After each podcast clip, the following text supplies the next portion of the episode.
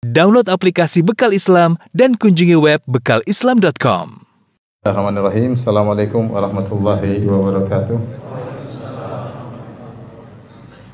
Alhamdulillahi ala ihsanih wa syukru lahu ala taufiqihi wa amtinani wa asyhadu an la ilaha illallah wahdahu la syarika lahu ta'ziman li sya'nih wa asyhadu anna Muhammadan abduhu wa rasuluhu da'ila ridwanih. Allahumma salli alaihi wa ala alihi wa ashabihi wa ikhwanih. Hadirin dan hadirat yang dirahmati oleh Allah Subhanahu wa taala. Alhamdulillah puji dan syukur kita panjatkan kepada Allah Subhanahu wa taala atas segala limpahan karunia yang Allah berikan kepada kita. Salawat dan salam tercurahkan selalu kepada junjungan kita, suri teladan kita Nabi Muhammad sallallahu alaihi wasallam dan juga kepada keluarganya serta seluruh sahabat beliau tanpa terkecuali. Uh, pembahasan kita pada kesempatan kali ini adalah tentang turunnya wahyu kepada Nabi Muhammad sallallahu alaihi wasallam. E, berita tentang akan datangnya seorang nabi terakhir sudah tersebar di seantero jazirah Arab bahkan sampai ke negeri Syam. Ya. Dan hal ini telah diketahui oleh orang-orang Yahudi dan Nasara sebelumnya. Orang-orang Yahudi mengetahui akan munculnya nabi terakhir dari Taurat. Adapun orang-orang Nasara mereka mengetahui akan munculnya nabi yang terakhir dari Injil mereka. Ya tentunya uh, Taurat dan Injil ya yang masih menyebutkan tentang adanya berita akan hal ini. Dan sebagaimana Allah sebutkan dalam Al-Qur'an, Nabi Isa mengabarkan akan hal ini. Wa id qala Isa bin Maryam ya bani Israil inni rasulullah ilaikum. Tatkala Isa bin Maryam berkata kepada Bani Israel, wahai Bani Israel, sungguhnya aku adalah utusan Allah kepada kalian. Musaddiqan lima bayyana yadayya minat Taurat aku membenarkan apa yang diturunkan sebelumku yaitu tentang isi Taurat. Wa mubasysyiran bi rasuli ya'ti min ba'di Ahmad. Dan aku beri kabar gembira kepada kalian tentang seorang rasul yang akan datang setelahku namanya adalah Ahmad. Falamma ja'ahum bil bayyinati qalu hadza sihrun mubin. Namun tatkala Rasulullah SAW datang kepada mereka dengan uh, bayinat dengan hujah yang kuat mereka berkata ini adalah sihir yang nyata. Jadi Nabi Isa telah mengabarkan kepada uh, kaumnya. Demikian juga dalam Al-Quran Allah sebutkan ya bagaimana uh, orang-orang Yahudi dahulu mereka suka sesumbar kepada orang-orang kaum Ansar. Jadi orang Yahudi disebutkan kenapa mereka tinggal di kota Madinah karena mereka tahu dari Taurat bahwasanya akan muncul nabi terakhir dan nabi tersebut akan berhijrah di satu tempat yang banyak kormanya di Hijaz. Sehingga mereka sengaja tinggal di kota uh, Madinah dan mereka berkonsentrasi di kota Madinah. Sehingga terkumpullah di sana tiga suku besar kabilah ya Qainuk Bani Qainuqa kemudian Bani Nadir dan Bani Quraidah. Tiga kabilah Yahudi besar mereka sengaja tinggal di kota Madinah. Dan dahulu sebelum kaum Ansar masuk Islam yaitu suku Al-Aus dan suku Al-Khazraj sebagai penduduk kota Madinah yang tinggal bersama Yahudi mereka sering bertikai. Di antara suku Ansar yang belum masuk Islam itu suku Al-Khazraj dengan orang Yahudi. Kalau terjadi pertikaian, orang Yahudi sering mengatakan, nanti sebentar lagi akan datang Nabi dan kami akan bersama Nabi tersebut menghabisi kalian. Selalu orang Yahudi bilang begitu, sesumbar. Tatkala terjadi uh, pertempuran di antara mereka, sengketa di antara mereka, orang Yahudi sering ngomong, nanti akan muncul Nabi terakhir, kami bersama Nabi tersebut akan menghabisi kalian. Tatkala dan ini sering didengar oleh kaum Ansor. Begitu Nabi tersebut muncul, yang beriman kaum Ansor, Yahudi tidak beriman. Makanya Allah sebutkan dalam surat Al-Baqarah walamma ja'ahum kitabun min indillahi musaddiqun lima ma'ahum wa kanu min qablu yastaftihuna 'ala alladhina kafaru. Padahal mereka orang Yahudi dahulunya sering sesumbar bahwasanya kami akan menang, kami akan menang terhadap orang-orang kafir. Falamma ja'ahum ma arafu kafaru bi. Tatkala datang apa yang mereka kenal, mereka tahu tentang Rasulullah sallallahu kafaru bih, mereka pun kafir kepada Rasulullah sallallahu falaknatullahi alal kafirin. Maka laknat Allah kepada orang-orang yang yang kafir. Allah juga sebutkan tentang bagaimana mereka ngerti betul tentang ngerti betul tentang Rasulullah SAW kata Allah alladzina atainahumul kitaba ya'rifunahu kama ya'rifuna abna'ahum. Sungguhnya orang-orang yang diberikan Alkitab kepada mereka diberikan Taurat itu orang-orang Bani Israel orang Yahudi. Ya'rifunahu kama ya'rifuna abna'ahum. Mereka kenal betul Rasulullah sebagaimana mereka mengenal anak-anak mereka. Allah beri gambaran yang sangat luar biasa. Orang-orang Yahudi mengenal Rasulullah seperti mengenal anak-anak mereka. Kita kalau punya anak, kita kenal betul anak kita. Bagaimana ciri-ciri fisiknya, apa kesukaannya, mainnya di mana, teman-temannya siapa. Jadi mereka kenal betul, mereka tahu Rasulullah SAW fisiknya seperti apa, kemudian hijrahnya ke mana, mereka tahu. Seperti mengenal anak-anak mereka. Tetapi begitu datang Rasulullah SAW, mereka tidak beriman. Sebabnya cuma satu, gara-gara ternyata nabi terakhir tersebut bukan dari Bani Israel. Mereka hasad dan min indi anfusihim. Mereka hasad. Padahal datang kebenaran, telah jelas kebenaran bagi mereka, mereka hasad. Mereka menyangka nabi-nabi seluruhnya dari Bani Israel karena sebelumnya Nabi Isa, kemudian Nabi Musa, nabi-nabi seluruhnya dari Bani Israel. Begitu nabi terakhir, ternyata Allah tutup dengan nabi dari Arab. Dan Allah sudah menurunkan nabi dari Arab sebelumnya seperti Nabi Saleh, Nabi Hud dan uh, Nabi Shu'aib. Ini Arab. Jadi nabi yang Arab ada empat. Saleh, uh, Hud, Saleh, Shu'aib dan Muhammad sallallahu alaihi wasallam. Jadi bukan hal yang baru Allah menurunkan seorang nabi, mengutus seorang nabi dari Arab. Namun mereka menyangka bahwasanya nabi terakhir juga dari Bani Israel karena sebelum Nabi Muhammad seluruhnya nabinya Bani Israel. Nabi Daud, Nabi Musa, Nabi uh, Isa, Nabi Yusuf, Nabi Daniel, Nabi Ayub, semua Bani Israel. Tatkala tahu Nabi tersebut ternyata bukan dari Bani Israel, maka mereka tidak mau beriman hanya karena hasad fanatik kesukuan sehingga akhirnya fanatik tersebut membuat mereka tidak beriman kepada Rasulullah sallallahu alaihi wasallam. Tapi demikian juga di antara yang menunjukkan akan hal ini hadis yang diriwayatkan oleh Imam Al Bukhari dalam Sahih Al Bukhari tatkala di tahun sekitar 6 Hijriah atau 7 Hijriah Abu Sufyan itu masih kafir pergi ke negeri Syam. Dan negeri Syam dikuasai oleh Heraklius Romawi raja Romawi yang beragama Nasrani. Maka Heraklius pun sudah tahu akan muncul nabi di zaman-zaman ini dia sudah tahu. Karena dia selain seorang raja dia juga seorang yang alim. Dikatakan dia juga pendeta Heraklius ini. Herakl Heraklius. Akhirnya dia Waktu tahu ada orang-orang Arab datang, dia suruh panggil, suruh tangkap Abu Sufyan untuk didatangkan di hadapan Heraklius. Maka Heraklius pun bertanya tentang eh, sifat-sifat uh, Nabi tersebut. Apakah begini, apa begini, apa begini, ya. Dan ternyata sifat-sifat tersebut sama dengan sifat-sifat Nabi yang dia ketahui. Ya. Makanya dia mengatakan seandainya Nabi tersebut datang, ya, maka dia akan menempati kedua tempatku ini, kedua kaki yang akan menempati tahtaku ini. Ya. Dia tahu akan hal hal tersebut. Makanya setelah itu dia bertanya kepada anak buahnya, bukankah Nabi berkhitan? Ya. Kata anak buahnya, wahai sang raja, kalau Nabi tersebut dari Yahudi kita akan bunuh karena Yahudi berkhitan. Heraklius bertanya lagi, apakah orang-orang Arab juga berkhitan? Ya. Kata mereka, tidak tahu, tahu-tahu ada seorang Arab didatangkan, kemudian diperiksa ternyata orang Arab memang juga apa?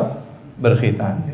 Jadi ternyata yang berkhitan bukan cuma orang-orang Yahudi, orang Bani Israel, bahkan orang Arab juga berkhitan. Dan di antara ciri Nabi terakhir adalah diutus pada kaum yang berkhitan.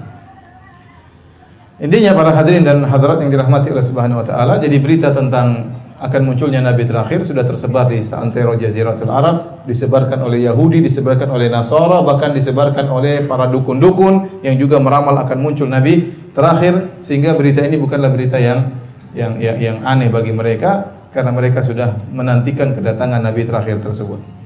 Baik. Bagaimana wahyu pertama kali turun kepada Rasulullah sallallahu alaihi wasallam? Pertama kali Rasulullah sallam tidak langsung didatangi malaikat Jibril. Tapi Rasulullah sallallahu alaihi wasallam uh, didatangi uh, wahyu lewat mimpi, ya, lewat mimpi. Ya, sehingga setelah Rasulullah SAW sering bermimpi, Rasulullah SAW jadi suka untuk berkhalwat, suka menyepi di goa. Dalam hadis yang diriwayatkan oleh Aisyah radhiyallahu taala anha, beliau mengatakan dalam Sahih Al-Bukhari, "Awwalu ma bihi Rasulullah sallallahu alaihi wasallam minal wahyi ar-ru'ya salihah." Pertama kali turun kepada Nabi SAW ya, mulai wahyu pertama kali turun dalam bentuk mimpi yang benar. Finnaum yaitu mimpi dalam tidur. Fakana la yara ru'yan illa ja'at mithla falaki subhi. Dan tidaklah Nabi SAW kalau bermimpi kecuali dia melihat mimpi tersebut benar-benar jelas terang benderang seperti cahaya di pagi hari.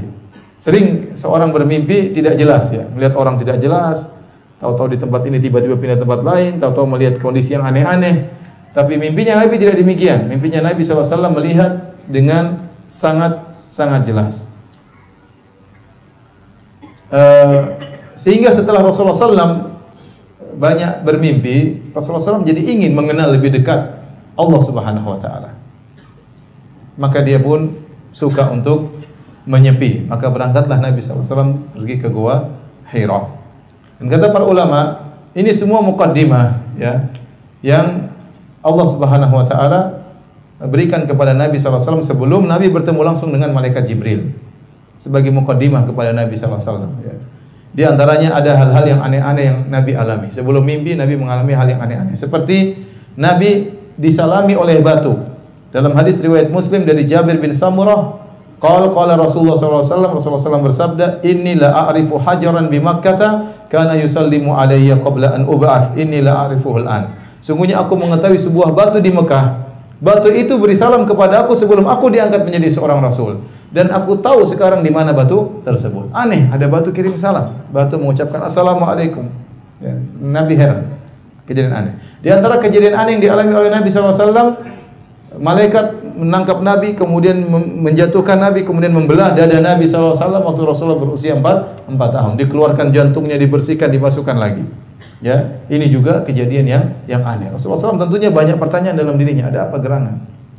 Saya dengar batu berbicara, kemudian saya pernah dibuka dadaku, kemudian di, dibersihkan, dimasukkan lagi, dijahit. Kemudian Rasulullah SAW bermimpi selama enam bulan, mimpi. Disebutkan Rasulullah SAW sering bermimpi, bermimpi, bermimpi. Akhirnya Rasulullah SAW suka untuk berkhalwat. Kita lanjutkan kata Aisyah, "Tsumma hubbiba ilayyal khala." Setelah itu aku pun suka untuk bersendirian. Wa kana yakhlu bi ghar Hira fayatahannatsu fihi wa huwa ta'abbud. Maka Nabi pun menyepi di Gua Hira dan dia yatahannas. Yatahannas yaitu dia beribadah di sana. Al-layali dawatil adat. Itu beberapa malam di sana. Qabla an yanzi'a ila ahlihi. Dia bawa bekal ke sana, kalau bekalnya habis dia turun lagi. Wa yatazawwadu lidzalik. Kalau bekalnya habis Rasulullah SAW turun, kemudian summa yarji'u ila Khadijah. Fa yatazawwadu limithliha. Barang uh, bekalnya habis, dia ambil lagi makanan, dia balik lagi gua Hira. Kemudian dia menyepi di situ, merenungkan, berfikir ya hatta ja'ahul haq wa huwa fi ghar Hira sampai datang kebenaran waktu Nabi sedang berada di Gua Hira itu datang malaikat Jibril timbul pertanyaan apa sih yang dilakukan oleh Nabi di Gua Hira Aisyah mengatakan yatahannas yatahannas dalam bahasa Arab diambil dari kalimat al-hins al-hins artinya dosa kalau kita artikan secara letterlek artinya Nabi menjauhi dosa-dosa sehingga sebenarnya mengatakan maksudnya Nabi sudah muak melihat kemaksiatan yang terjadi di kota Mekah. Ya terjadi minum khamar, main judi, zina di sana sini, syirik di mana-mana. Ya, anak-anak muda kacau semuanya. Ya Rasulullah SAW sudah muak melihat seluruh kemaksiatan tersebut dan dia rindu ingin mengenal lebih dekat tentang Tuhannya. Maka dia pun pergi ke Gua Hira. Ya, ini pendapat. Ada yang mengatakan ya tahannaf maksudnya ya tahannaf yaitu Nabi SAW beribadah. Ya, beribadah di situ beribadah apa? Ada yang mengatakan Rasulullah SAW tafakkur merenungkan tentang keagungan Allah Subhanahu wa taala.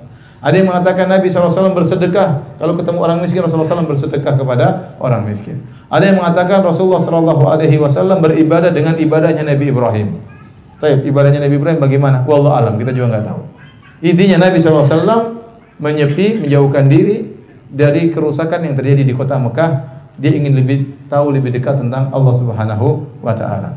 Sampai akhirnya datanglah malaikat Jibril alaihissalam. Ya. Para hadirin dan hadirat yang dirahmati oleh Allah Subhanahu wa taala. Waktu Nabi diangkat menjadi malaikat, itu bukan kehendak Nabi sallallahu alaihi wasallam, tapi kehendak Allah Subhanahu wa taala.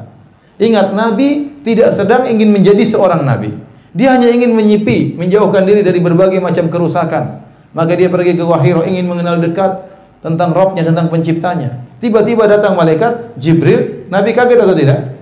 Nabi kaget. Jadi itu di luar dugaan Nabi SAW. Nabi di, diangkat menjadi seorang Nabi itu bukan kehendak Nabi, itu kehendak Allah, murni kehendak Allah. Maka Allah berfirman, Allahu yastafi minal malaikati rusulan wa minan nas. Allah yang memilih di antara malaikatnya menjadi utusan dan demikian juga Allah memilih di antara manusia menjadi utusan. Allah yang pilih. Ya. Oleh karena yang benar, kenabian itu adalah istifa. Kenabian itu adalah pilihan Allah, bukan amrun muktasab, bukan perkara yang diusahakan sebagaimana pendapat sebagian orang, seperti pendapat Ibnu Sina. Ibnu Sina inilah tokoh yang dikenal dalam tokoh kedokteran orang Islam, tapi dia memiliki penyimpangan-penyimpangan dalam masalah akidah. Dibahas oleh para ulama, dibantah oleh Al-Ghazali, dibantah oleh para ulama. Di antaranya dia berpendapat bahwasanya kenabian adalah amrun muktasab. Kenabian adalah perkara yang bisa diusahakan. Katanya Nabi SAW pergi ke goa, ingin jadi Nabi, diusahakan melatih diri, melatih diri, akhirnya menjadi seorang seorang Nabi. Maka dia berpendapat kalau seorang melatih dirinya, misalnya melaparkan dirinya latihan untuk lapar, latihan untuk latihan tertentu, kemudian sampai dia pada tingkatan tertentu, akhirnya dia berhayal ketemu dengan malaikat, ya.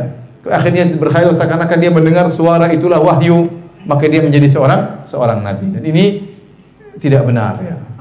Ya. Maka Anda jangan coba-coba jadi seorang nabi. Ya. Jangan pergi ke apa namanya? Uh, Gua Hiro atau pergi ke Pondok Indah kemudian menyepi di situ ya, melatih diri, melaporkan diri, melaporkan diri, akhirnya semaput ya. jangan ya. Yang datang jin nanti. Yang datang apa? Jin. Jadi nabi kenabian itu tidak bisa diusahakan. Itu murni pilihan Allah Subhanahu wa taala. Nabi saja tidak pernah berpikir dia bakalan jadi nabi, dia nggak tahu. Makanya waktu begitu datang malaikat Jibril dia ketakutan ada apa dengan saya? Dia ketakutan. Dan nabi-nabi yang lain pun demikian, tidak ada latihan-latihan. Coba Nabi Isa alaihissalam masih kecil sudah bisa bicara atau tidak? Apa ada latihan Nabi Isa waktu lahir kemudian latihan jadi nabi? Enggak ada latihan. Nabi Yahya masih kecil juga seorang nabi, tidak pakai latihan-latihan. Tahu-tahu Allah angkat dia menjadi seorang nabi. Nabi Yusuf alaihissalam Allah angkat menjadi nabi tanpa latihan-latihan. Nabi Musa alaihissalam juga tanpa latihan-latihan diangkat menjadi nabi ya. Dan demikianlah para nabi sebelumnya.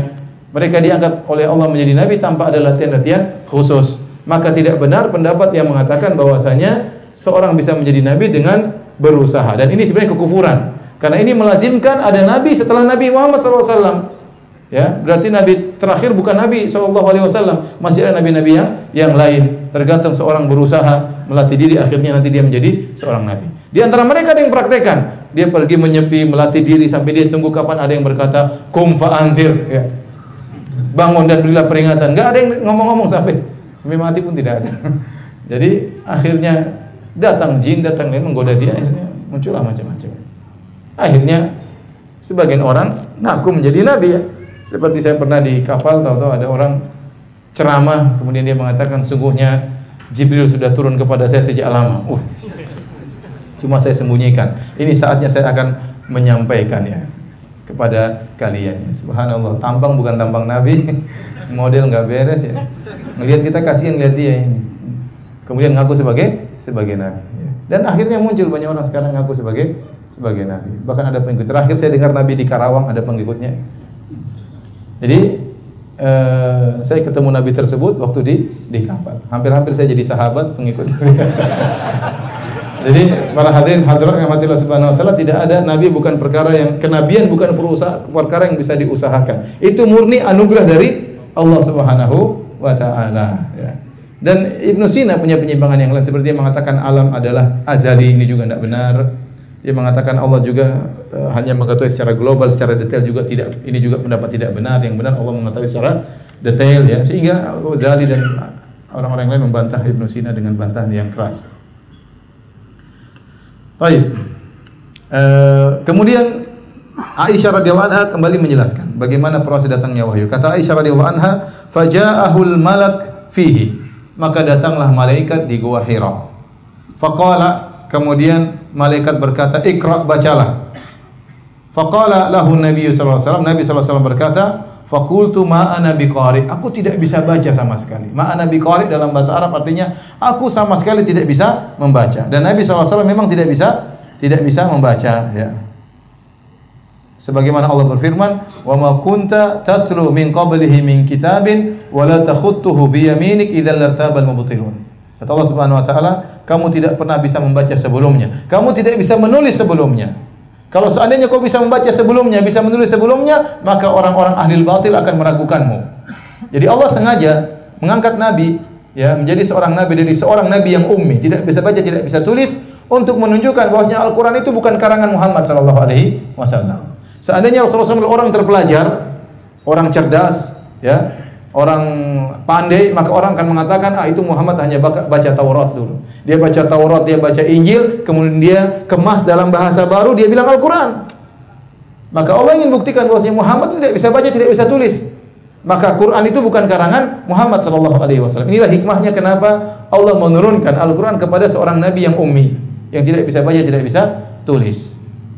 Kemudian khilaf di kalangan para ulama, apakah nabi tidak bisa baca, tidak bisa tulis sampai sampai beliau wafat sallallahu alaihi wasallam?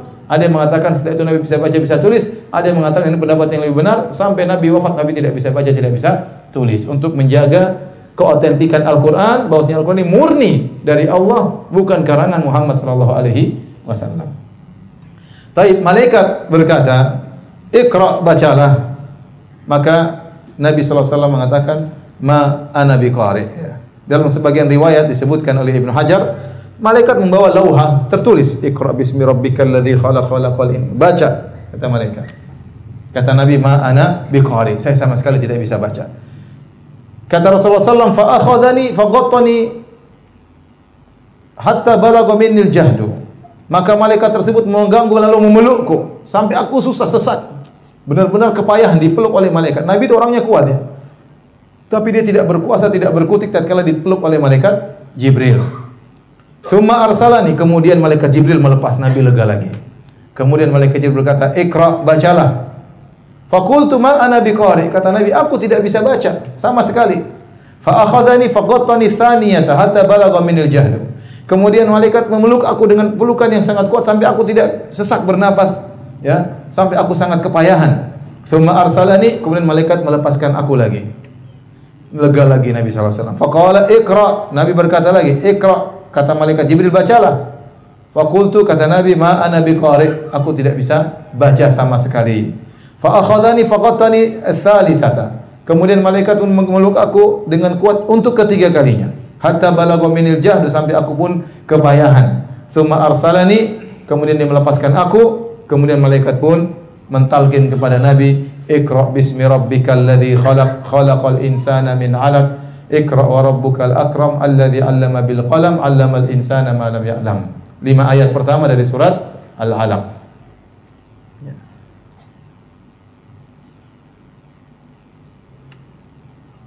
Baik. Hadirin dan hadirat yang dirahmati oleh Allah Subhanahu wa taala, maka tatkala itulah Nabi diangkat menjadi seorang seorang nabi ya. Di mana? Di gua gua Hira. Tapi ingat uh, tidak perlu kita mencari keberkahan di gua Hira. Benar, di situ pertama kali turun ayat kepada Nabi di gua Hira. Namun gua Hira tidak kemudian dijadikan tempat untuk ziarah. Orang ke sana kemudian mencari keberkahan, Mungkin ada yang ingin nongkrong di situ ya. ya jawabannya tidak. Nabi tidak pernah naik, naik lagi ke Gua Hira untuk kedua kalinya. Paham? Dan para sahabat tidak ada yang naik ke Gua Hira untuk nongkrong di Gua Hira. Adapun kalau kita ke Gua Hira hanya untuk napak tilah sejarah nggak ada masalah. Tapi jangan meyakini kalau kita duduk di situ kita baca Iqra bismi rabbikal ladzi khalaq enggak ada. Enggak ada. Sama seperti kata Ibnu Katsir, sebagian orang berusaha mencari di mana posisi goa al-kahf yang Allah sebutkan tentang ya, sebagian pemuda yang tidur di sana selama 309 tahun.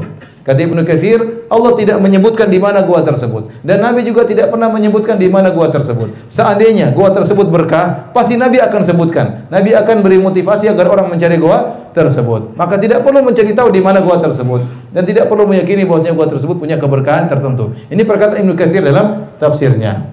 Ya, maka seorang tidak perlu berusaha payah kemudian ingin ya kalau hanya napak tilas tidak apa-apa. Tapi kalau meyakini kita masuk di gua tersebut, coba kita tidur di gua tersebut, ngapain? Siapa tahu nggak bangun 309 tahun repot. Pulang-pulang semua sudah berubah. Ya. Baik, setelah kejadian tersebut, kata Aisyah radhiyallahu taala anha, faraja'a biha tarjufu bawadiruhu. Maka Nabi pun pulang sambil gemetar bawadiru ini tulang apa? E, daging di sini antara leher dengan pundak di sini gemetar. Rasulullah SAW ketakutan. Hatta dakhala ala Khadijah. Sampai Rasulullah SAW ketemu dengan Khadijah. Biasanya Rasulullah SAW pergi berapa hari, bekal habis pulang ketemu Khadijah. Kemudian minta bekal lagi, pergi lagi. Sudah habis bekalnya turun lagi. Berulang-ulang. Kali ini pulang ketakutan. Dan Khadijah radhiyallahu anha subhanallah wanita yang sangat saleh. Ya. Wanita yang sangat saleh. Waktu suaminya minta bekal untuk ke gua dia tidak ngapain ke gua-gua terus mas dia bikin makanan udah pergi pulang lagi habis minta bekal dia udah pergi aja. Dia tidak protes-protes. Mas ini pulang-pulang aja, pulang mengambil makanan, balik lagi. Mas ngapain aja sih mas? Ya, tahu suaminya ingin menyendiri dalam kondisi tertentu, dia kasih bekal, nah, nah banyak komentar. Itu istri yang apa? Soleh. Mudah-mudahan istri antum Khadijah Khadijah semua. Aminnya kurang keras. Kemudian waktu Rasulullah SAW ketemu dengan Khadijah, Rasulullah SAW gemetar, Rasulullah SAW mengatakan, Zammiluni, zammiluni, selimuti aku, selimuti aku. Dalam sebagian riwayat, kata Rasulullah SAW, Subbu alaya bima'in barid. Tuangkan air kepadaku. Rasulullah gemetar. Maka Aisyah pun, uh, Khadijah pun mengambil air, ya, kemudian menyiramkan air ke Nabi SAW. Ya. Kemudian Aisyah uh, Khadijah radhiyallahu anha pun mengambil selimut fazammaluhu menyelimuti Nabi sallallahu alaihi wasallam hatta dhahaba anhu raud diselimuti dan tidak diajak ngomong tenang sampai hilang ketakutan dari dada Nabi sallallahu alaihi wasallam ya. Ini saya katakan lagi bagaimana solehnya Khadijah. Waktu Nabi mengatakan, "Selimuti aku, selimuti aku." Khadijah tidak berkata, "Ada apa? Ente kenapa? Kenapa?" Cerita dulu, cerita dulu. Sebentar, ada apa? Enggak. Langsung dibilang ngambil selimut, nurut, tidak banyak omong. Mesti suaminya suruh ambil selimut, selimuti sampai suami tenang. Baru dia berbicara dengan apa? Dengan suaminya tersebut. Faqala ya Khadijah mali. Kata Rasulullah, "Ya Khadijah, ada apa denganku?" Wa akhbaru hal khabar. Maka Nabi pun bercerita tentang Khadijah kepada Khadijah tentang apa yang dia alami. Datang tadi seorang tahu-tahu meluk dia, kemudian dengan kuat sampai sak napas dilepas tiga kali suruh baca. Ya. Kemudian Rasulullah SAW berkata, "Wa qad khasyitu ala nafsi." Sungguhnya aku khawatir sesuatu menimpa diriku. Ini disampaikan oleh para ulama. Apa yang ditakutkan oleh Nabi SAW? Ada yang mengatakan Nabi takut dia gila. Kenapa dia melihat makhluk aneh? Dari mana tiba-tiba muncul begitu kuatnya memeluk Nabi ini dari mana? Orang gila kan sering lihat aneh-aneh. Ya. Nabi takut dia gila. Atau Nabi takut dia bakalan mati. Ini kayaknya ada musibah yang akan menimpaku. Apa yang saya alami ini? Ya. Nabi takut gila, Nabi takut sakit, Nabi takut mati, Nabi takut macam-macam. Laqad khasyitu ala nafsi. Sungguh saya khawatir sesuatu yang buruk menimpa diriku. Faqalat lahu, saat itulah peranan seorang istri yang soleha. Maka Khadijah radhiyallahu anha pun menenangkan suaminya dengan berkata, "Kalla abshir, fa wallahi la yukhzikallahu abada." Sekali-sekali tidak wahai suamiku, kau tidak akan tertimpa dengan perkara yang perlu kau takutkan. Abshir, bergembiralah. Fa wallahi la yukhzikallahu abada. Demi Allah, Khadijah yang bersumpah untuk menenangkan suaminya. Demi Allah, Allah tidak akan menghinakan engkau selamanya. Kenapa? Innaka latasilur rahim. Kau suka menyambung silaturahmi. Wa tasduqul hadis. Kau selalu jujur dalam berkata. Wa tahmilul kalla. Kau selalu membantu orang yang kesusahan. Wa taqrid dhaif. Engkau selalu menjamu tamu. Wa tu'inu ala nawaibil haq dan engkau membantu orang terkena musibah. Orang sepertimu ini tidak bakalan dihinakan oleh Allah Subhanahu wa taala. Inilah istri yang soleha seperti ini. Kalau suaminya lagi terkena sesuatu, kesedihan, maka dia tenangkan jiwa suaminya. Ya. Dia tenangkan jiwa suaminya. Bukan malah membuat suaminya gelisah. Iya mas, jangan jangan mas, jangan ya. Malah ketakutan ya, jangan. Ya. Tenang tenang mas, tenang tenang, ditenangkan ya. Sebagian orang pulang dari kantor marah-marah, istriku, aduh, Abu Fulan tuh kurang ajar di kantor gini-gini saya. Istrinya bilang, istrinya juga begitu mas, tambah emosi. Jadi jangan begitu ya. Jadi istri yang tenang, istri yang baik, jangan memprovokasi suaminya. Tenangkan ya jiwa suaminya. Timbul pertanyaan, Khadijah ini ngomong dalil atau bukan? Dia bukan pakai dalil. Dia saja nabi saja baru jadi nabi. Dari mana dia berkata Allah tidak akan menghinakan engkau selamanya? Dari mana dia tahu? Jawabannya kata Ibnu Ibnu Hajar rahimahullah bil istiqra, yaitu Khadijah mengamati kondisi manusia di zamannya atau berita-berita dari manusia-manusia terdahulu, namanya orang-orang kalau ber, suka berbuat baik sama orang lain, tidak bakalan dihinakan oleh Allah Subhanahu wa taala. Makanya Khadijah mengatakan, "Kau tidak akan dihinakan oleh Allah ya suamiku." Kenapa? Engkau suka menyambung silaturahmi. Engkau suka jujur dalam berkata, engkau suka membantu orang miskin, engkau suka menjamu tamu, engkau suka membantu orang terkena musibah. Orang seperti ini tidak akan dihinakan oleh Allah Subhanahu wa taala. Sehingga akhirnya tenanglah Nabi sallallahu alaihi wasallam. Thumma talaqat bihi Khadijah hatta atat bihi Waraqah bin Naufal. Kemudian Khadijah setelah suaminya tenang, Khadijah bawa suaminya menuju Warakah ibnu Naufal, ibn Asad bin Abdul Uzza bin Qusay, wa huwa ibnu ammi Khadijah. Dia adalah sepupunya Khadijah. Warakah bin Naufal ini sepupunya Khadijah, akhu abiha. Jadi bapaknya Warakah saudara kandungnya bapaknya Khadijah. Jadi Waraqah bin Naufal adalah sepupunya Khadijah radhiyallahu taala. Wa kana imran tanas wa kana imra'an tanassara fil jahiliyah. Namun Waraqah ini dia masuk agama Nasrani waktu di zaman jahiliyah.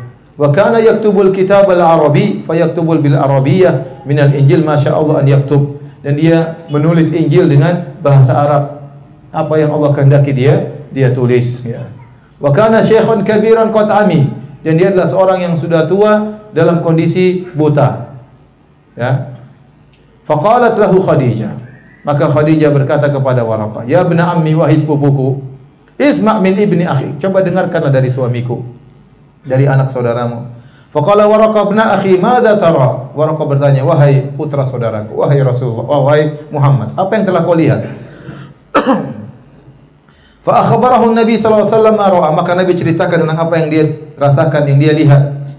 Maka Waraqah berkomentar, Hadan namus alladhi unzila ala Musa. Ini adalah malaikat yang pernah Allah turunkan kepada Nabi Musa. Yaitu malaikat pembawa rahasia, maksudnya Jibril. Yang ketemu dengan kamu itu itulah malaikat yang pernah ketemu dengan Nabi Musa yang bawa rahasia dari Allah Subhanahu wa taala. Ya laitani fiha jada'an akunu hayyan hina yukhrijuka qaumuka. Kata Warakah, seandainya saya masih hidup, masih segar, masih muda, tatkala kaummu akan mengusirmu, Faqala Rasulullah sallam heran. Awa mukhrijiyahum apakah kaumku akan mengusirku? Faqala Waraqah na'am kau akan diusir oleh kaummu. Lam ya'ti rajulun qad bimithli ma ji'ta bihi illa udi. Tidak seorang pun yang datang membawa seperti yang kau bawa yaitu tidak seorang nabi pun kecuali akan dimusuhi oleh kaumnya. Wa in yudrikni yaumuka ansurka nasran mu'azzaran. Seandainya waktu itu kau sedang diusir dan aku masih hidup, aku akan tolong kau dengan pertolongan yang kuat. Thumma lam yanshab waraqatu antufiya. Namun tidak lama kemudian Warakah pun meninggal dunia. Kata para ulama Warakah termasuk dari Al-Ahnaf. Al-Ahnaf itu orang-orang yang masih berada dalam tauhid meskipun di tengah-tengah kejahiliahan. Meskipun orang terjerumus dalam berbagai macam kesyirikan, mereka orang-orang tidak pernah berbuat kesyirikan. Di antaranya Waraqah bin Naufal, di antaranya Muhammad sallallahu alaihi wasallam, di antaranya beberapa orang sampai ada buku khusus judulnya Al-Ahnaf, yaitu orang-orang yang hidup di zaman jahiliyah namun mereka tidak melakukan kesyirikan. Fitrah mereka menolak itu semua. Di antaranya Waraqah ibnu Naufal. Jadi dia masih beragama Nasrani, Nasrani yang yang lurus, belum menyimpang, belum Nasrani yang yang syirik. Taib.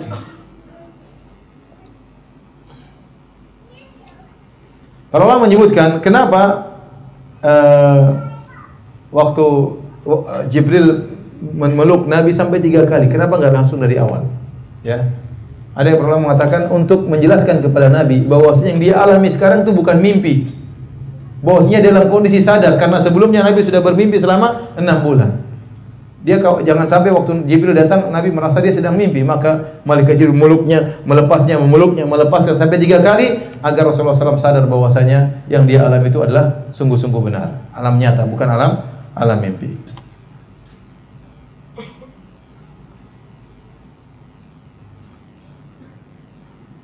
Dan kita dari sini kita tahu bahwasanya Waraqah adalah orang yang pertama yang membenarkan Nabi sallallahu alaihi wasallam. Lelaki pertama yang membenarkan Nabi wasallam adalah Waraqah bin Naufal. Dan Rasulullah SAW kabarkan bahwasanya Waraqah di surga ya. Ya Rasulullah SAW mengatakan la tasubbu Waraqah, janganlah kalian uh, mencaci maki uh, Waraqah. Sungguhnya aku melihat Waraqah Ibnu Naufal berada di di surga. Fa inni ra'aitu lahu jannatan aw jannatain. Aku melihat dia diberikan oleh Allah satu surga atau dua surga. Ini dalil bahwasanya Waraqah bin Naufal masuk surga. Namun kalau kita katakan siapa sahabat pertama yang masuk Islam adalah Abu Bakar radhiyallahu anhu. Jadi Abu Bakar masuk Islam setelah Nabi berdakwah. Tapi yang pertama kali beriman sebelum Nabi berdakwah siapa? Waraqah bin Naufal. Tapi setelah itu Waraqah bin Naufal meninggal uh, dunia. Ya radhiyallahu taala anhu. Baik. Kapan turunnya wahyu? Ada khilaf di kalangan para ulama kapan turunnya wahyu. Sebagian ulama berpendapat setelah mereka sepakat bahwasanya wahyu turun adalah hari Senin. Wahyu turun hari Senin. Waktu Nabi SAW ditanya, wa su'ila Nabi SAW an siyami yaumil itsnin. Rasulullah SAW ditanya oleh Muslim, Rasulullah SAW ditanya, "Kenapa beliau puasa hari Senin?" Maka Rasulullah SAW menjelaskan, "Fihi ya yaumun wulidtu fihi. Di situ hari aku dilahirkan. Wa ub'ats dan hari di mana aku diutus menjadi seorang nabi. Jadi nabi dilahirkan hari Senin, Nabi SAW diangkat menjadi seorang rasul juga hari apa? Hari Senin. Harinya disepakati oleh para ulama. Namun kapannya khilaf? Sebenarnya mengatakan bulan Rabiul Awal, ada yang mengatakan bulan Rajab, ada yang mengatakan bulan Ramadan. Khilaf di kalangan mereka. Ya. Disebut oleh para ulama. Ya. Tapi bagaimana dengan firman Allah, Inna anzalnahu fi lailatul qadar. Sungguhnya kami menurunkan Al-Quran di Lailatul Qadar. Itu di bulan Ramadan. Kenapa masih ada khilaf lagi? Kata para ulama yang berpendapat bahwasanya bukan di bulan Ramadan, kata mereka karena uh, maksudnya Allah menurunkan Al-Qur'an di bulan Ramadan adalah Al-Qur'an diturunkan secara full di Baitul Izzah. Secara full setelah itu baru diturunkan secara bertahap sesuai dengan kejadian. Nah, tahapan pertama kali turun bulan Rabiul Awal atau bulan Rajab, tidak mesti bulan Ramadan. Apalagi mereka berpendapat bahwasanya Rasulullah SAW diutus menjadi seorang nabi tatkala genap usianya 40 tahun. Berarti harusnya bulan Rabiul Awal karena Nabi lahir tahun bulan apa? Rabiul Awal kata mereka. Berarti Rasulullah SAW nanti jadi nabi juga Rabiul Awal. Nantinya ada khilaf. Yang mengatakan bulan Ramadan kata mereka zahir ayat menunjukkan Al-Qur'an turun di bulan Ramadan. Inna anzalna fi lailatul qadar, kami turunkan Al-Qur'an di Lailatul Qadar maksudnya awal kali turun. Ini pendapat dipilih oleh Syekh Utsaimin rahimahullah taala. Jadi Lailatul Al-Qur'an turun di Lailatul Qadar di bulan Ramadan. Nah, kalau kita sudah tahu ternyata Al-Qur'an eh, peristiwa ini Al-Qur'an turun kapan ada khilaf, ada yang bulan Rajab, ada yang mengatakan bulan eh, Rabiul Awal, yang mengatakan Ramadan. Kalau bulannya saja khilaf apalagi tanggalnya? Apalagi tanggalnya. Oleh karenanya menentukan tanggal 17 Ramadan sebagai malam nuzulul Quran ini tidak ada dalilnya. Kalau kita bicara secara dalil, tidak ada dalilnya ya. Kalau kita berpendapat Al-Quran turun bulan Ramadan, justru dikatakan dalam Al-Quran di Lailatul Qadar, Lailatul Qadar kita tahu 10 malam terakhir. Harusnya tanggal 21 ke atas, malam 21 ke atas, bukan malam 17 atau bulan malam bukan hari tanggal 17. Wallahu alam bisawab, eh, tidak dijelaskan dengan pasti kapan turunnya Al-Quran. Ya. Namun sebenarnya berpendapat kejadian tersebut waktu Rasulullah SAW didatangi malaikat Jibril adalah bulan eh, bulan Ramadan. Ya. Ada yang mengatakan bulan Rajab, ada yang mengatakan bulan Rabiul Awal wallahu alam bisawab. Baik, kita bisa mengambil banyak faedah dari kisah ini. Uh, pertama, Nabi sallallahu alaihi wasallam tidak berusaha menjadi seorang nabi tapi kenabian adalah pilihan dari siapa? Dari Allah Subhanahu wa taala. Kemudian yang kedua, pentingnya memiliki istri yang solehah, tempat berbagi, tempat curhat ya. Maka bapak-bapak jangan suka curhat sama istri orang ya. Ibu-ibu juga jangan suka curhat sama suami orang. Berusaha curhat kepada pasangan hidup kita. Kalau kita bisa simpan sendiri itu baik, tapi terkadang seorang tidak kuat untuk menyimpannya sendiri. Dia ingin melepaskannya kepada orang lain dan itu akan meredakan uh, kesedihan yang dia alami. Maka kalau dia ingin melepaskan sebagian kesedihannya, ingin curhat, maka pilihlah orang yang tepat. Di antaranya pasangan hidupnya. Ya. Latih diri untuk curhat kepada istri-istri yang soleha. Ada masalah ini, istri kemudian beri petunjuk, beri masukan kepada suaminya. Istri juga demikian. Bukan kemudian curhat di media sosial, di medsos. Curhat di status ya. Ada masalah dengan suami, tulis di status. Suami yang soleh begini-begini, suami yang buruk begini-begini. Supaya suaminya baca. Orang tanya ini kenapa tulis kayak gini? Suami juga begitu, nulis. Istri yang begini, begini, begini. Istri yang bejat begini, begini. Maksudnya dia nyindir istrinya. Jadi serang-serangan di media sosial ngapain ya, akhi? Nanti serang-serangan di kamar aja, nggak perlu serang-serangan di media sosial. Akhirnya ada masalah dengan keluarga, keluarga bikin status ganti lagi gambar profilnya ganti, picturenya ganti lagi, ganti lagi, hati lagi terpotong lah, hati lagi tertusuk lah, hati lagi. Ya, ngapain seperti itu?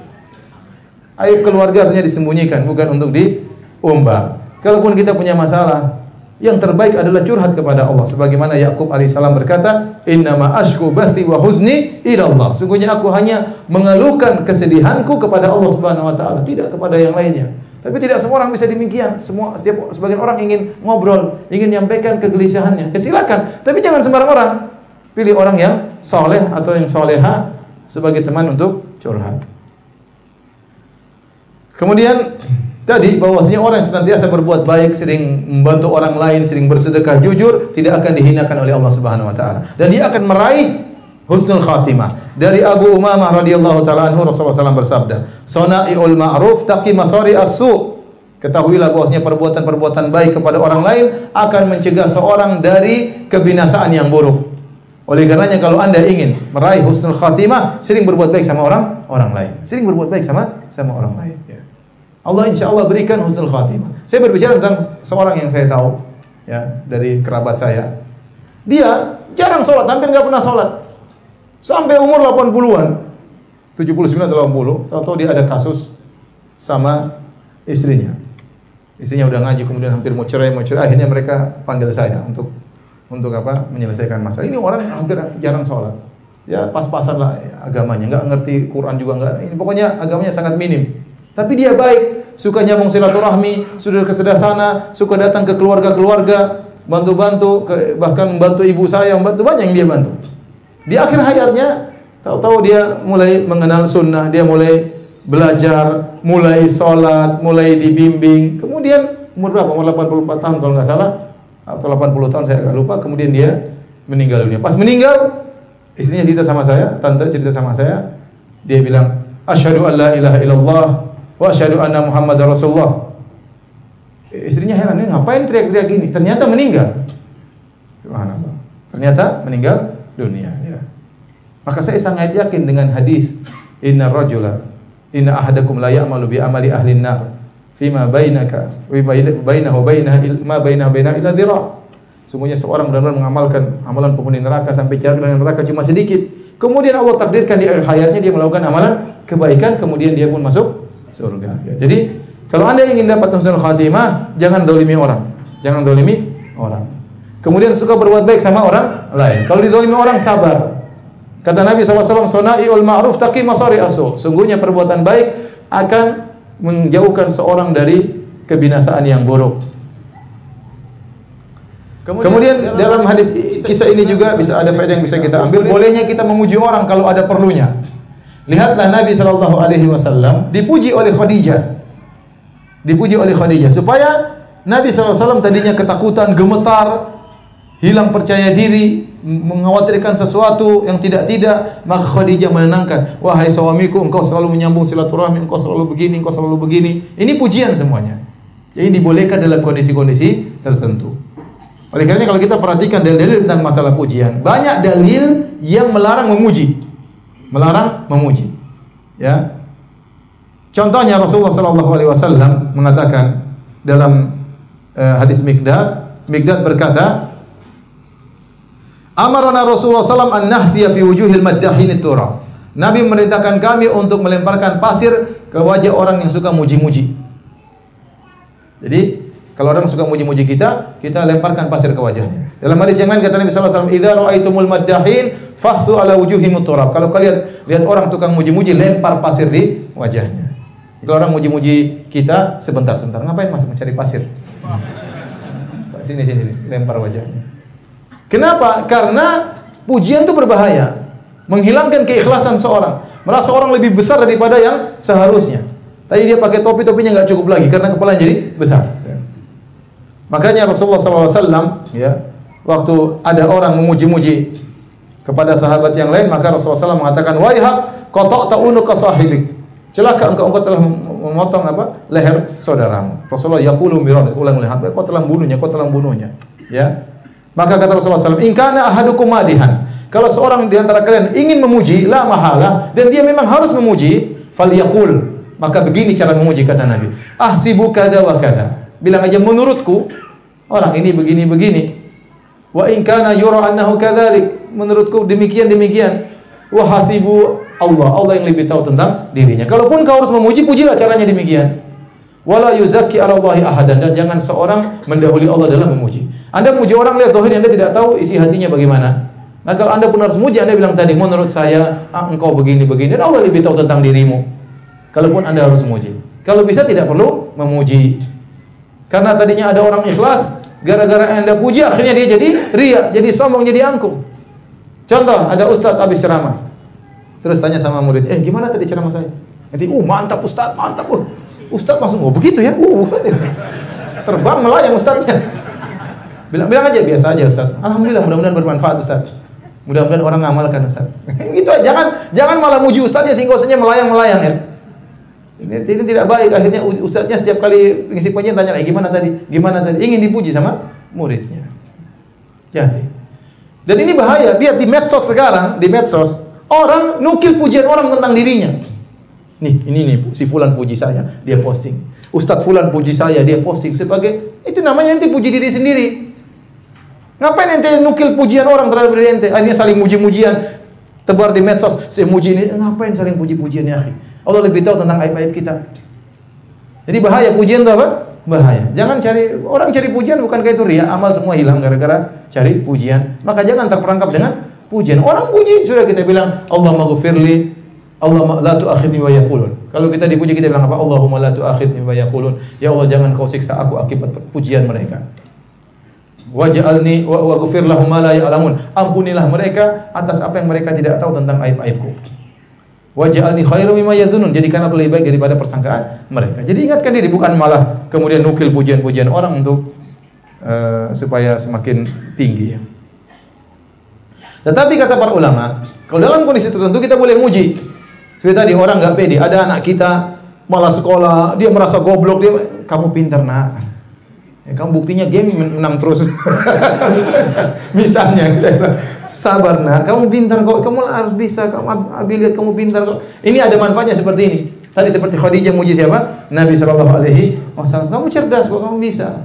Insya Allah, insya Allah ada orang malas-malas dakwah. Ayo Ustaz dakwah Ustaz, banyak orang dapat hidayah Ustaz. Kemarin ada orang senang sama dakwah antum. Saatnya kita puji. Lihat kondisi, ketika dia lagi malas, kita puji. Kalau lagi naik jangan tambah pujian.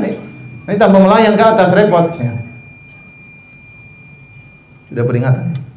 Baik, azan azan nanti kita lanjutkan setelah salat sekaligus tanya jawab Allah taala alam bisawab.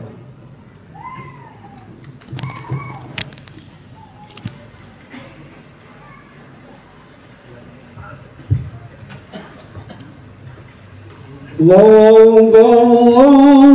أكبر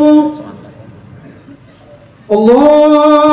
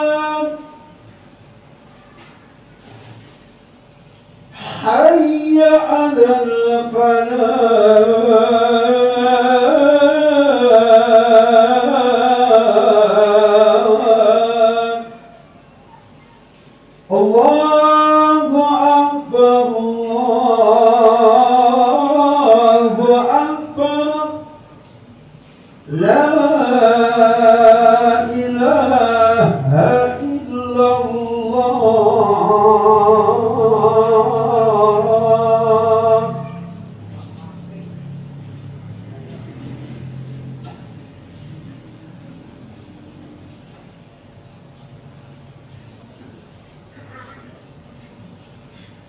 الله أكبر أشهد أن لا إله إلا الله أشهد أن محمدا رسول الله حي على الصلاة حي على الفلاح قد قامت الصلاة.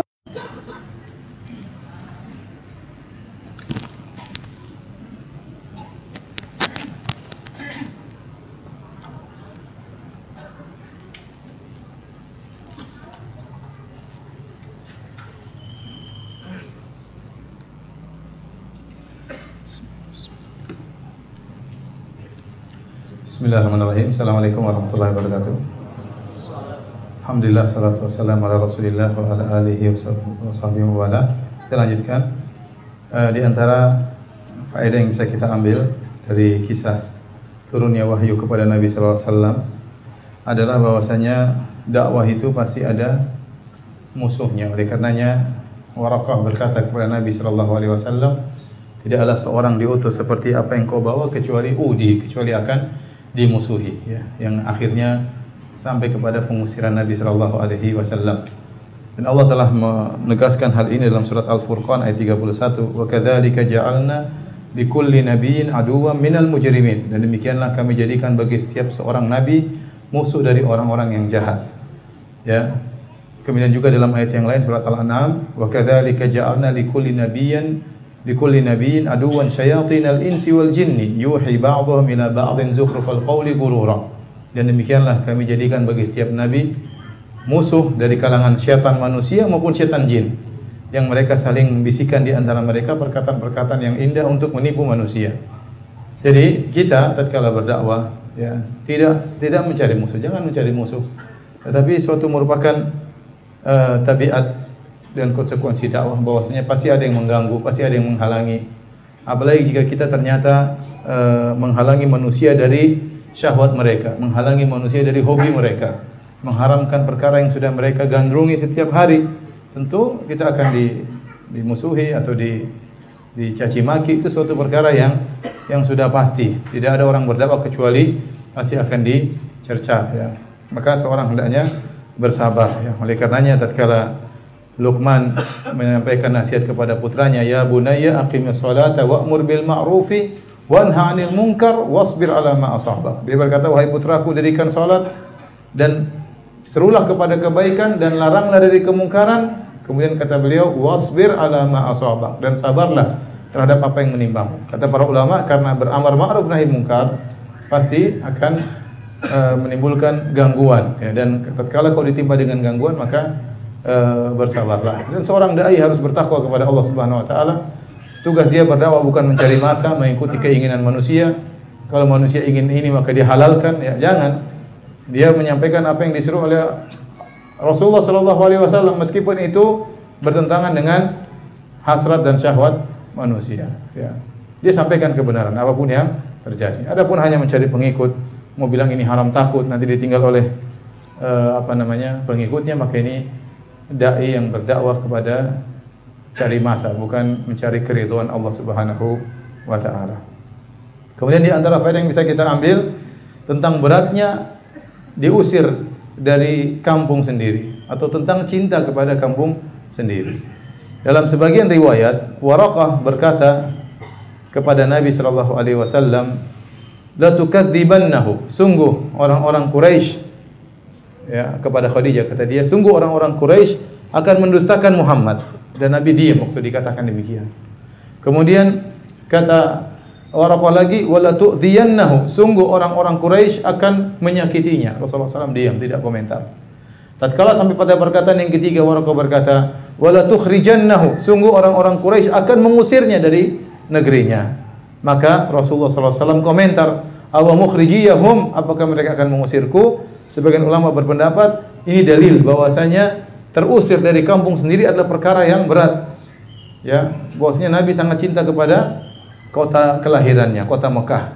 Ya, Nabi merasa berat diusir dari kaumnya. Oleh karena di antara ujian yang berat bagi Nabi, dia harus meninggalkan kampung halamannya. Yang di situ penuh dengan berbagai macam nostalgia yang indah. Sejak kecil dia di situ, tumbuh dan besar di negeri tersebut, dia mengembalakan kambing di situ, ketemu dengan Khadijah di situ, anak-anak lahirnya di situ. Situlah negeri pamannya, negeri bapaknya, negeri kakeknya, negeri moyangnya. Kota Mekah tahu-tahu dia diusir dari kota kota Mekah, ya. Maka ini perkara yang sangat berat bagi Nabi sallallahu alaihi wasallam ya. Oleh karenanya eh, para ulama menyebutkan ini di antara ujian yang besar yang dialami oleh Rasulullah. Makanya waktu Rasulullah SAW berhijrah, Rasulullah SAW bukan gembira-gembira berhijrah, tidak. Tapi dia bersedih. Maka dia berkata kepada Mekah, kata beliau, "Ma atyabaki min balad, sungguh baik engkau wahai kota Mekah. Wa ahabbaki ilayya, sungguh engkau adalah kota yang paling aku cintai. Walaula anna qaumi akhrajuni minki, kalau bukan kaumku mengusirku dariku darimu, masa tu ghairaki, aku tidak akan pindah ke tempat yang lain. Dalam riwayat yang lain Nabi berkata, "Wallahi innaki la khairu ardillah."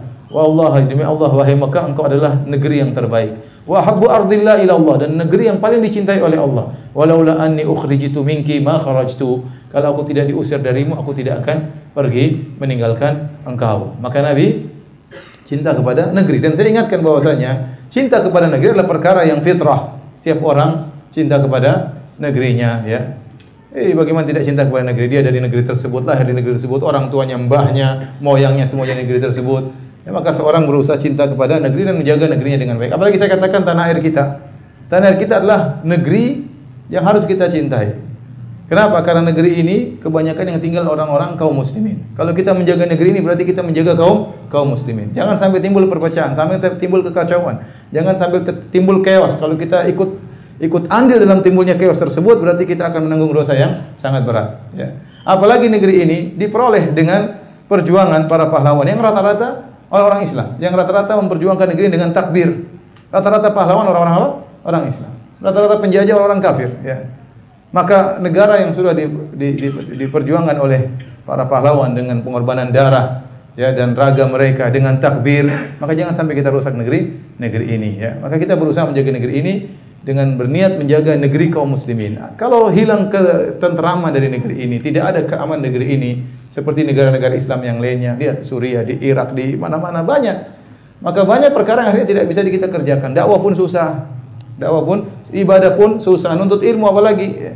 Ekonomi enggak jalan, agama tidak jalan, maka jangan sampai kita terprovokasi ya kemudian kita ikut andil dalam merusak keamanan negeri negeri ini. Kalau ada kesalahan perbaiki dengan cara yang baik bukan dengan cara anarkis sehingga akan akan timbul hal-hal yang tidak kita inginkan. Cukuplah negeri-negeri di sekitar kita menjadi pelajaran bagi kita. Jangan sampai kita mudah terprovokasi. Kita ingin kebaikan tapi ada cara yang terbaik untuk menempuh atau memperbaiki kekurangan yang ada. Baik, eh, ini juga dalil bahwasanya menyebutkan aib seseorang kalau niatnya bukan untuk menghina tidak mengapa. Ya, seperti dalam hadis Aisyah menyebutkan tentang Waraqah, rajulun tanassara amran tanassara fil jahiliyah qad ami, bahwasanya Waraqah sudah buta. Buta itu aib atau bukan? Aib ya. Makanya ada sebagian ikhwan yang ngisi pengajian di kalangan orang buta, jangan sampai dia bilang buta karena mereka sebagiannya apa? tersinggung. Meskipun mereka tahu mereka apa? buta. Jangan kita nyinggung mereka dengan orang-orang buta, orang-orang buta. Kita jangan sebut kalimat buta di hadapan mereka ya. Karena itu perkara yang semua orang tidak senang. Siapa yang suka kemudian dia dia buta. Namun di sini disebutkan Waraqah sudah buta, bukan dalam rangka untuk um, menghina Waraqah. Jadi kalau kita menyebutkan aib seorang bukan dalam rangka menghina tapi dalam rangka untuk menjelaskan ada masalah tidak mengapa. Contoh orang datang sama kita, Pak kenal Pak Joko enggak? Oh Joko di sini ada dua, Joko Gembrot sama Joko Kurus yang mana? Ini sudah sama aib, Gembrot sama Kurus sama-sama aib. Oh Joko yang Gembrot, yang Gembrot juga ada dua, yang pincang sama yang menghina lagi. Enggak, ini dalam rangka untuk bukan menghina tapi untuk apa? Membedakan tidak mengapa. Baik, demikian saja. Insya Allah kita lanjutkan pada kesempatan yang lain. Ya, ini ada pertanyaan kalau bisa dijawab dijawab.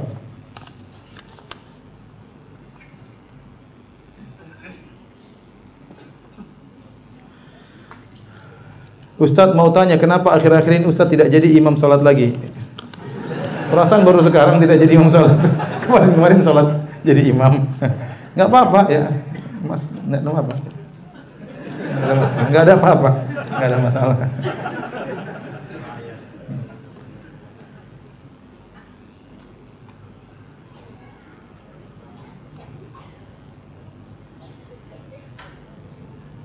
Ustadz, apakah dalil khusus tentang zaman fatrah kekosongan kenabian dari Nabi Isa ke Rasulullah? Karena pertemuan sebelumnya dikisahkan Khadijah mengajak Rasulullah bertemu dengan saudaranya Naufal, Waraqah bin Naufal yang masih mengikuti ajaran Nabi Isa. Bila tidak ada dalilnya, bagaimana keadaan kaum tersebut di akhirat?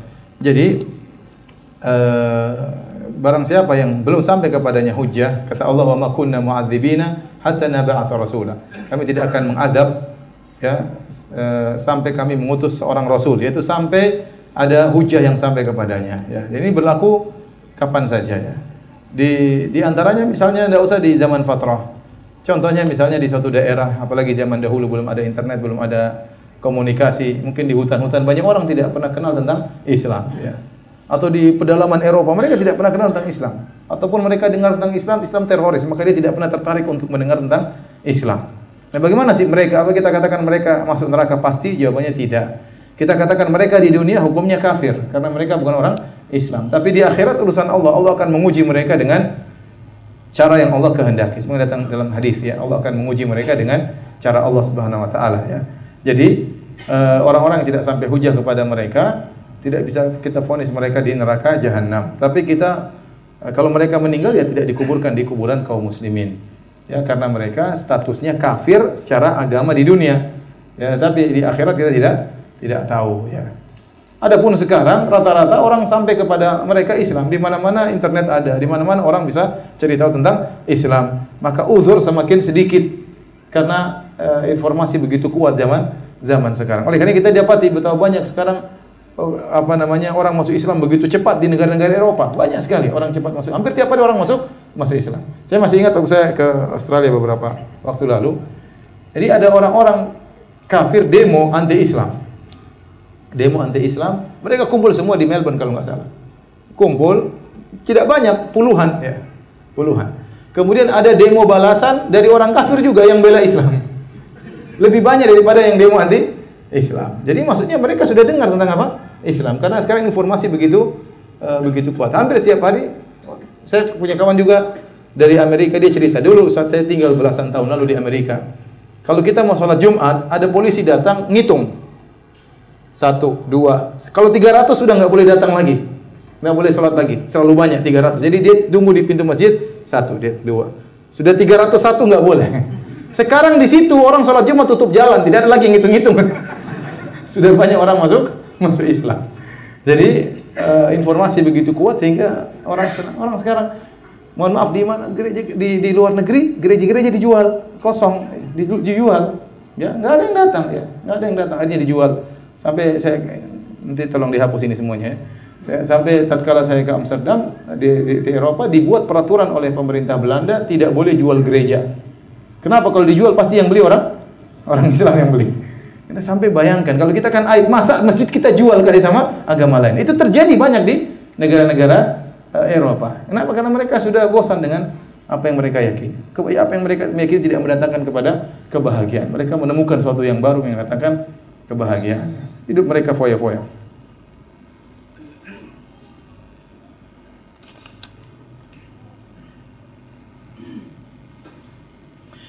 Ustadz di luar tema, siapa nama ibunda Nabi Yusuf? Konon namanya Rahil. Konon namanya apa? Rahil. Disebutkan dalam sebagian buku, tapi saya tidak tahu tentang kesohihannya karena tidak ada hadis yang sahih tentang ini. Kenapa ingin tahu nama ibundanya Nabi Yusuf? Mungkin mau kasih nama anaknya dengan apa? Nama tersebut. Allah Allah.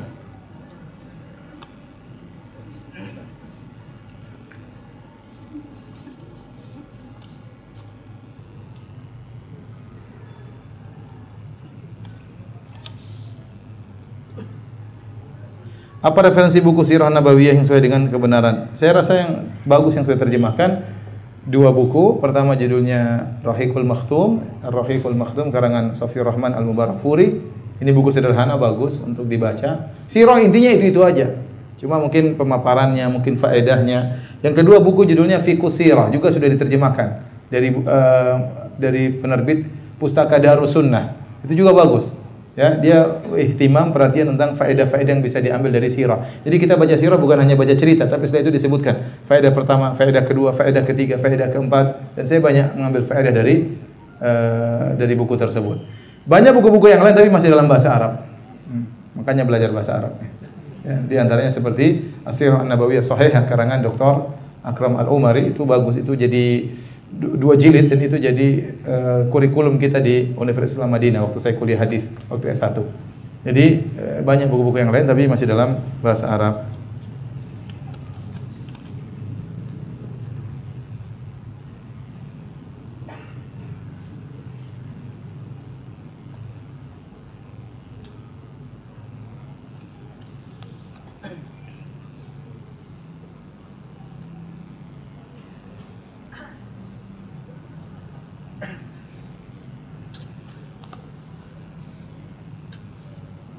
Ustadz, kenapa dada Nabi dibelah sebelum diangkat menjadi Nabi? Ini ikut lagi pengajian sebelum-sebelumnya.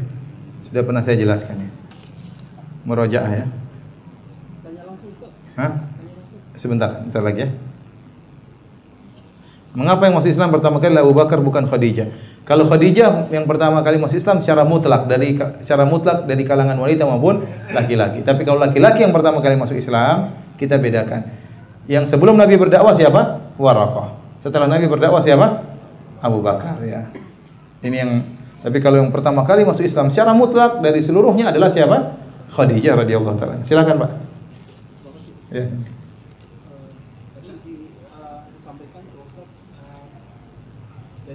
pada saat Rasulullah itu Rasulullah itu menerima wahyu itu dalam dia uh, dia itu dalam kondisi yang tidak nyaman jadi dia itu uh, dalam kondisi yang tidak nyaman, bisa dalam keadaan yang ketakutan atau dalam riwayat lain um, uh, dia gemetar atau dalam riwayat lain dia mengeluarkan keringat sampai sebesar biji jagung dan seterusnya. Nah, uh, saya melihatnya Al-Quran itu kan ada 6.600 sekian ayat ya. Kalau setiap Rasulullah menerima ayat itu dalam keadaan yang begitu tidak nyaman, jadi betapa menderitanya Rasulullah selama itu ya. 6.600 sekian ayat dan setiap menerima ayat kondisinya seperti yang saya sebutkan tadi. Tidak, jadi uh, belum selesai. Oh, belum selesai. Itu pertanyaan pertama. Wih. yang kedua? Uh, pertanyaan kedua, uh, tadi uh, saya juga menyebutkan uh, bagaimana uh, yang dihadapi oleh para nabi yang diutus Allah kepada kaumnya. Kita lihat seperti Nabi Nuh, Nabi Lut, Nabi Hud dan seterusnya sampai ke Nabi Muhammad SAW. Mereka itu diselamatkan oleh Allah dari kezaliman kaumnya. Tapi ada yang luput untuk diselamatkan seperti Nabi Yahya yang dipenggal kepalanya, Nabi Zakaria yang dibelah tubuhnya. Terus kita melihatnya di sini apakah ibror yang bisa diambil dari case ini. Apakah itu tentunya kita tidak tidak menurunkan status kenabiannya ya dengan dia dipenggal dan seterusnya. Tapi kita pengen memahami kenapa Allah tidak menyelamatkan uh, Yahya tidak menyelamatkan Zakaria dari dari uh, apa namanya uh, gangguan umatnya. ya. terus kemudian yang ketiga 3A yang ketiga Nanti saya lupa pertanyaannya tadi, kebanyakan. Tadi, tadi saya cemas, Ustaz. Uh, apa namanya? Uh, Ustaz bilang memuji itu begini dan begitu ya, harus dilempar uh, uh, buruk sekali ya. Sementara saya rajin dan sangat mudah memuji anak-anak saya. Tadi, tadi sudah dijawab ya. Yeah. Karena tujuannya adalah Motivasi. untuk mengencourage mereka untuk setiap prestasi-prestasi uh, kecil saya rajin memuji mereka dan Tapi sudah terjawab. Jadi puas saja. Ya, sudah. Terima kasih. Jadi yang pertama, Nabi SAW dapat wahyu bukan cuma satu model. Ya, bisa dalam mimpi, bisa dengan malaikat membacakan tidak harus keringat. Jadi tidak selalu dalam bentuk apa? Keringat. Jadi uh, wahyu ada beberapa uh, cara Allah memberikan wahyu. Di antaranya malaikat membacakan. Ya. Seperti tadi Iqra bismi rabbikal ladzi khalaq, itu Nabi kaget aja, tapi tidak ada peristiwa apa? Keringat. Ya ada peristiwa yang Nabi terdiam kemudian keluar keringat meskipun musim dingin. Itu terjadi. Jadi Allah mengasihkan beberapa model. Tentu ada hikmah yang Allah kehendaki. Ada yang mengatakan agar Nabi benar-benar konsen ya bahwa ini benar-benar wahyu ya dan uh, disebutkan oleh para ulama. Jadi tidak semua ayat seperti itu. Tidak semua ayat seperti itu. Uh, kalaupun dikatakan Nabi menderita, ya, itu ujian bagi Nabi. Nabi diuji dalam kehidupannya. Dari awal sudah jadi penggembala kambing, yatim, karena surganya paling tinggi. Ya. Anaknya meninggal seluruhnya, kecuali Fatimah terakhir. Ya. Dan mbak dilempar oleh kaumnya, diusir oleh kaumnya, dihina dengan tuduhan yang tidak-tidak. Dan demikianlah Nabi hidupnya penuh dengan apa? Ujian. Kata Nabi SAW, asyadun nasi bala'an al-anbiya. Orang yang paling banyak ujiannya adalah para nabi. Thumma salihun, kemudian orang soleh. Thumma al-amsal fal amsal, kemudian yang selanjutnya dan selanjutnya. Jadi memang Nabi begitulah kehidupannya penuh dengan ujian. Karena kita bukan nabi maka ujiannya apa? Sedikit. Oh, ujian sedikit merasa besar itu saja. Ada orang datang saya diuji apa ujiannya? Ah gitu aja udah banyak orang diuji seperti itu. Merasa berat. Padahal cuma gitu-gitu aja ya. Baik. Ya, yang kedua tadi masalah nabi ya.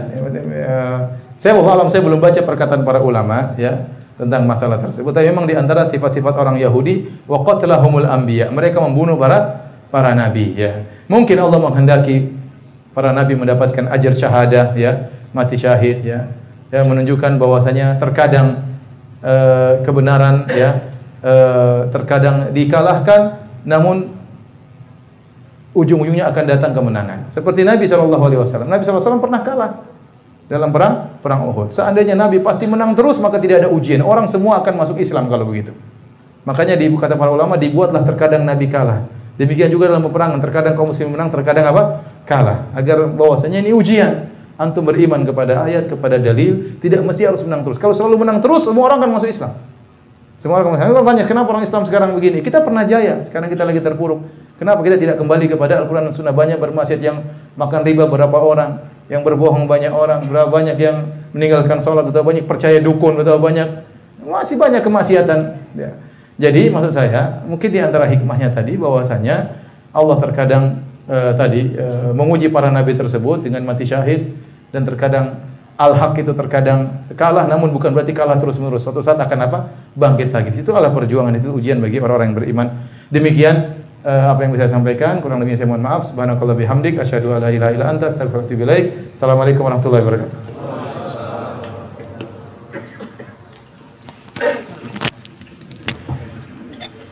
Demikianlah jemaah mulia kajian ilmiah